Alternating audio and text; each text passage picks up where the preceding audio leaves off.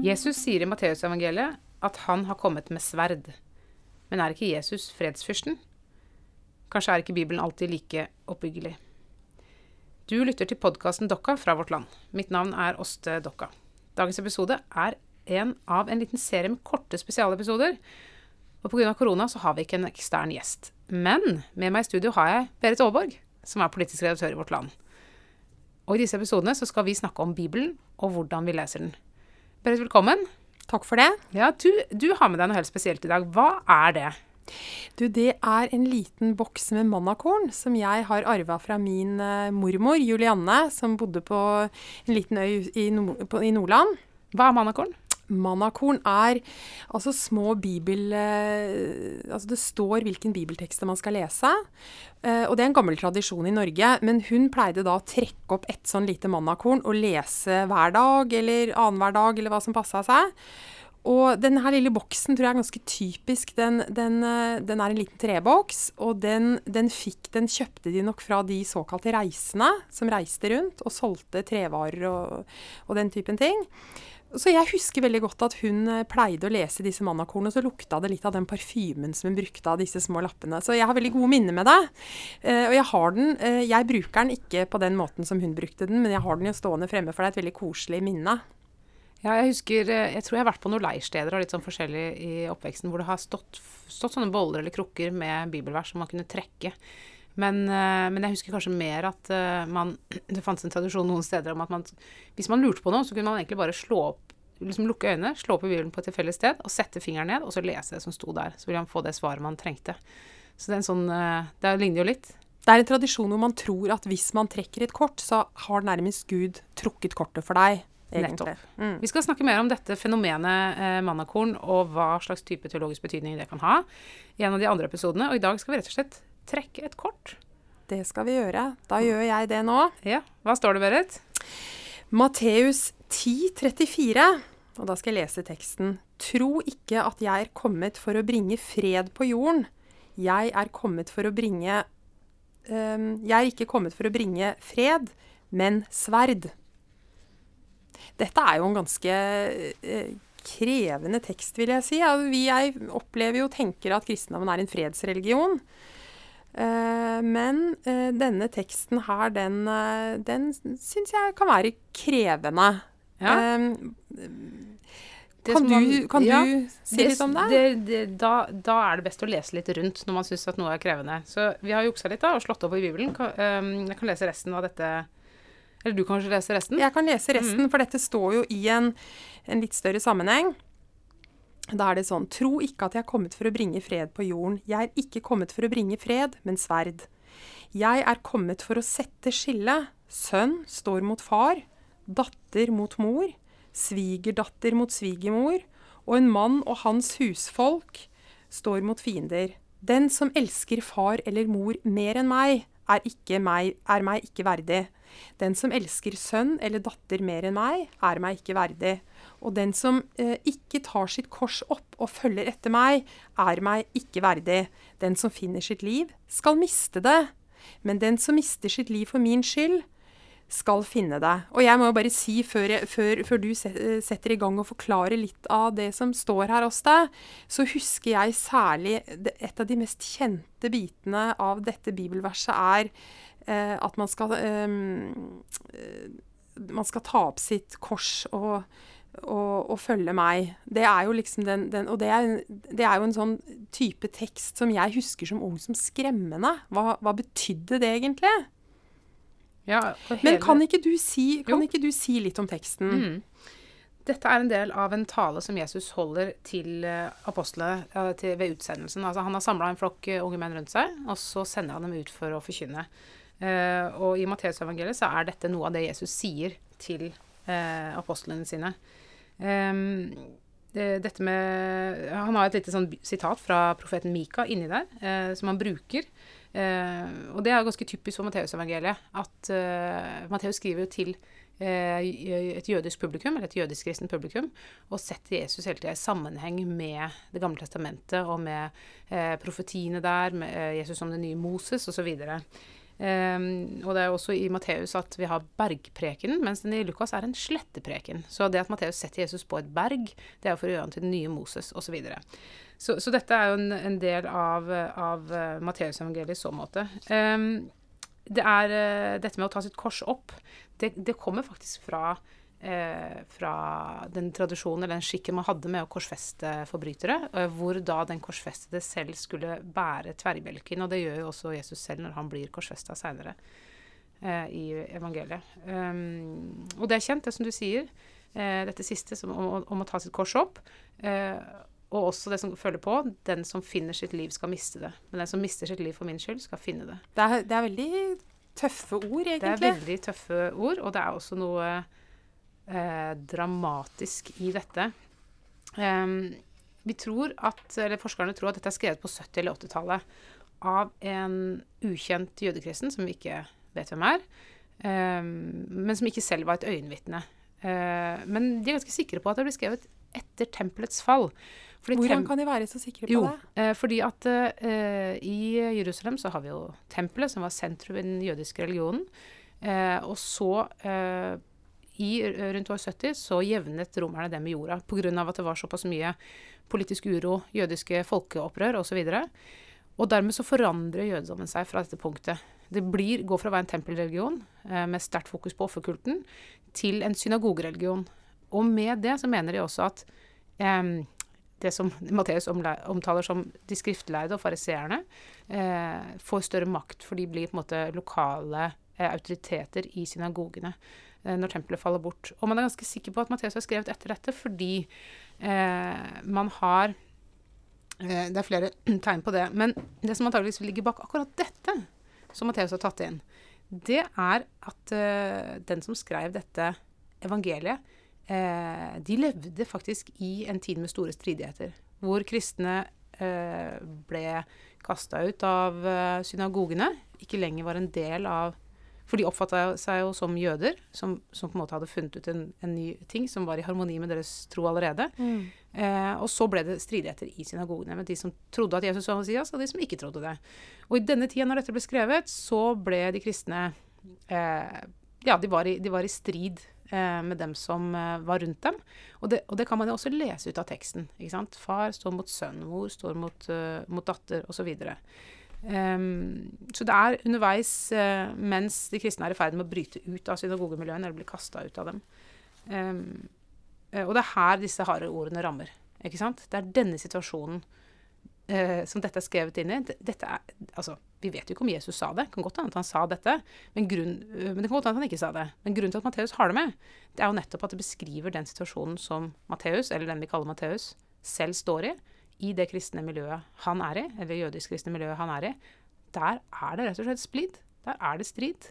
Og de strever med å forstå det teologisk. Så dette er jo en slags fortolkning av eh, evangelistens nåtid mer enn det er en eh, liksom gjengivelse av hva Jesus sa 40 år tidligere, eller 50 år tidligere.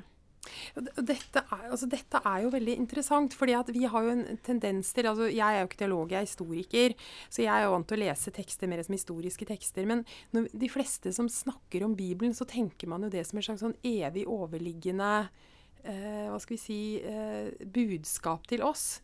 Mens dette er mye om Eh, egentlig en slags sånn kirke... Eller ikke Altså, det er en slags religiøs politikk inni dette også, som man kan se på mange måter. Og det, og det, det er jo litt spennende. Og, og, vi er jo vant til å, å, lese disse tekstene kanskje ikke Eller i store deler av kristenheten så leses jo disse tekstene ikke så historisk kanskje som de burde vært gjort. Uh, og, og det, er jo, det, er jo, interessant når vi tenker på det er jo stridigheter i vår egen tid. Vi står i en lang tradisjon med stridigheter både i kirke og samfunn. Så, så dette er uh, utrolig spennende bit av det. Men jeg må spørre deg, hva med det teologiske i dette?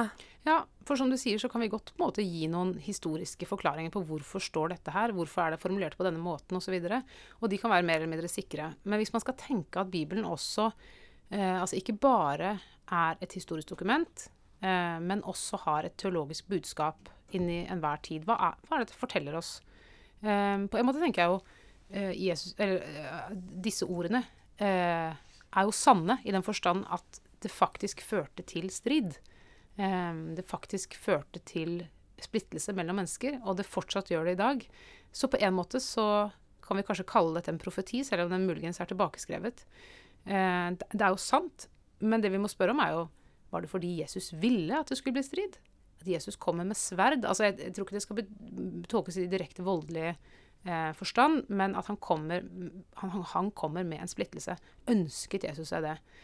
Og, og da, da, må vi jo stille et mye større spørsmål, nemlig er alt som står i Bibelen, eh, oppbyggelig? Tror du det? Eh, det det syns jeg er rett og slett et litt vanskelig spørsmål å svare på. Og jeg må jo bare si at mens du er teolog og, og på en måte prøver å, å liksom, eh, lese ut det teologiske budskapet, så er jeg, jeg er historiker. Sånn at jeg eh, leser teksten litt på en annen måte. I hvert fall når jeg leser det som, som det jeg har gjort når jeg har studert. Da. Og, og da, da, vil man jo alltid liksom se på konsekvenser av ting mer enn det teologiske. Eh, men, men hvis du spør meg om jeg tror alt i Bibelen er oppbyggelig, så tenker jeg jo alt det jeg har lest av Bibelen, at det er jo ikke alltid det, men det er jo alltid utfordrende. Um, ja, og det eh, Jeg syns det er interessant. Jeg, jeg leste eh, Linda Bostrøm Knausgård. Hun, hun, har skrevet en novellesamling som heter Grammal. Eh, og der forteller hun om en jeg-person som går på torget og som møter sånne, en sånn gruppe med sånne gladkristne som mm. inviterer til Eh, vil du komme og lese Bibelen sammen med oss? Vil vil, du, vil du, være med i en sånn studiegruppe? Gjorde hun det? Eh, ja, det, hun, det, som skjer Nei, hun gjorde ikke det. Eh, men det som skjer, er at hun, at hun, tenker det er jo ingenting jeg heller vil enn å studere Bibelen, enn å lese Bibelen. Det er, det er så rikt. Det vil jeg veldig gjerne gjøre det. Men ikke i denne konteksten. Ikke sammen med disse menneskene. Det er ikke den formen for bibellesning hun er interessert i. Hun vil lese den på en helt annen måte og føler at det er, det er lukket. Hun kan ikke gå inn i denne menighetssammenhengen, og lese den på den måten som hun vil. Og jeg syns det var utrolig interessant, for jeg tror at det er veldig gjenkjennelig for mange at man på en måte er nysgjerrig på Bibelen, og samtidig så føler man at det er noe lukkende med å lese den. Eh, og når man kommer til sånne ord som dette, eh, hvor Jesus sier ting som opprører oss, så eh, blir, blir, det vanskelig for oss eh, på en eller annen måte. Og det, det tror jeg kanskje kan ha å gjøre med at vi vil for mye med teksten. Altså, vi ødelegger lesinga for oss selv ved å forvente at teksten skal kunne si oss noe teologisk eh, oppbyggelig, sant, eh, eh, fint, ikke sant? Og så, og så, gjør den ikke det. Eh, vi leser for å destillere ut en teologi av det, for å finne noen sannheter. Og så er det vi finner, ikke noe som vi har sansen for. Eh, og, og, og, når det skjer, så er det jo, hvert fall hvis man er i en veldig sånn from tradisjon, så kan man jo tenke ja, men jeg har sikkert ikke forstått det ordentlig. Jeg, har ikke lest godt nok. Jeg forstår ikke hva det betyr. Her er det, noe, her er det noe med meg og min lesning som er galt. Eller hvis man er litt mer opprørt, så kan man tenke her er det noe galt med teksten. Dette er ikke greit. Eh, det kan ikke være sånn. Eh, jeg tror ikke på dette. Men det som men, men, det vil jo ja. bli litt sånn forskjellig. Hvis du, la oss mm. si for eksempel, se på middelalderen. Da var man jo mer i krigers tradisjon. Kanskje dette ble lest mye mer positivt og løfterikt enn det, enn det blir i vår tid, da. Absolutt. Vi er jo inne i en tid hvor vi ikke hele tida er i krig med nabofyrstedømmet. Eh, og spørsmålet er skal vi, skal vi bli drept, eller skal vi drepe? Eh, sånn at eh, vi er jo i den konteksten vi er i. Eh, men det er jo også her vi er. Altså Vi kan ikke frigjøre oss fra vår tid og, og, og, og hoppe tilbake til en annen tid for å lese på den måten som mennesker gjorde før. Men jeg tror, jeg tror, Og kanskje mange andre steder i verden mange, også. Ja, ikke sant. Ja. Nettopp. Og det, det, handler om det kontekstuelle ved enhver lesning, og også bibellesning. Uh, men jeg tror at det, er, det, som er galt her, er verken teksten eller oss selv, men det er måten vi leser på. Det er hva slags forventninger vi har til teksten.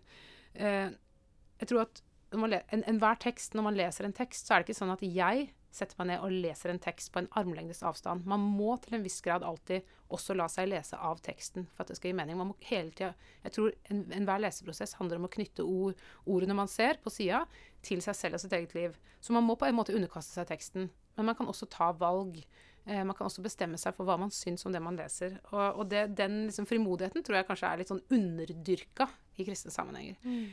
Jeg leste en uh, utrolig Jeg holder på å lese en bok nå av en fyr som heter Doug Gay, som skriver om, um, om det å preke. Altså prestens uh, tale i gudstjenesten.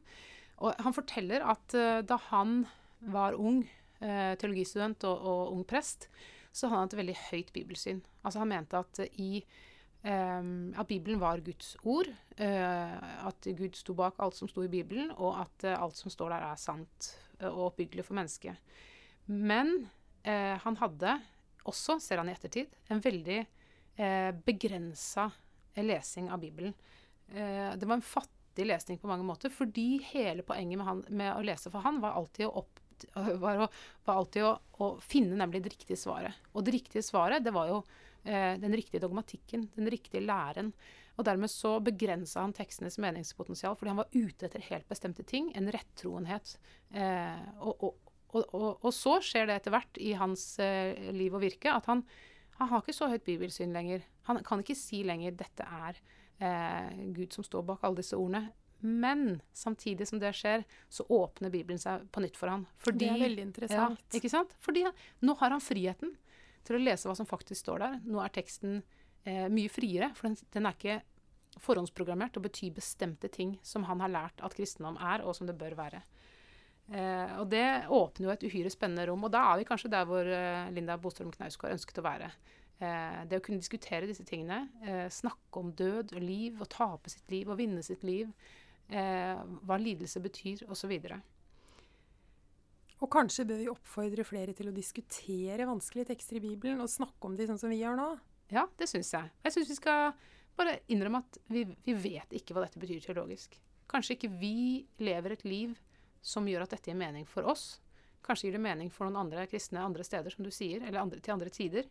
Eh, men det er jo veldig spennende å ikke vite det. For det er jo sånn det er med alle bøker. Vi vet ikke helt alltid hva vi skal trekke ut av det, og likevel så sier det oss noe. Så jeg tenker at uh, vi må slutte med å forvente bestemte ting av Bibelen. La, lese den som den er. Uh, for det tror jeg er mye rikere, og det fortjener teksten. Det kan være nyttig å lese den i sammenheng også. Lese litt større biter av den sam samla. Absolutt. Berit, tusen takk for praten. Du har hørt på podkasten Dokka fra vårt land. Jeg heter Åste Dokka, og produsenten i dag har vært Sondre Bjørdal. Og vet du hva? Du kan abonnere på Vårt Land digitalt for bare 10 kroner for 100 dager. Les mer om vilkårene på vl.no tilbud, og den lenka ligger også i beskrivelsen av denne podkastepisoden på spilleren din. Ha en fin dag.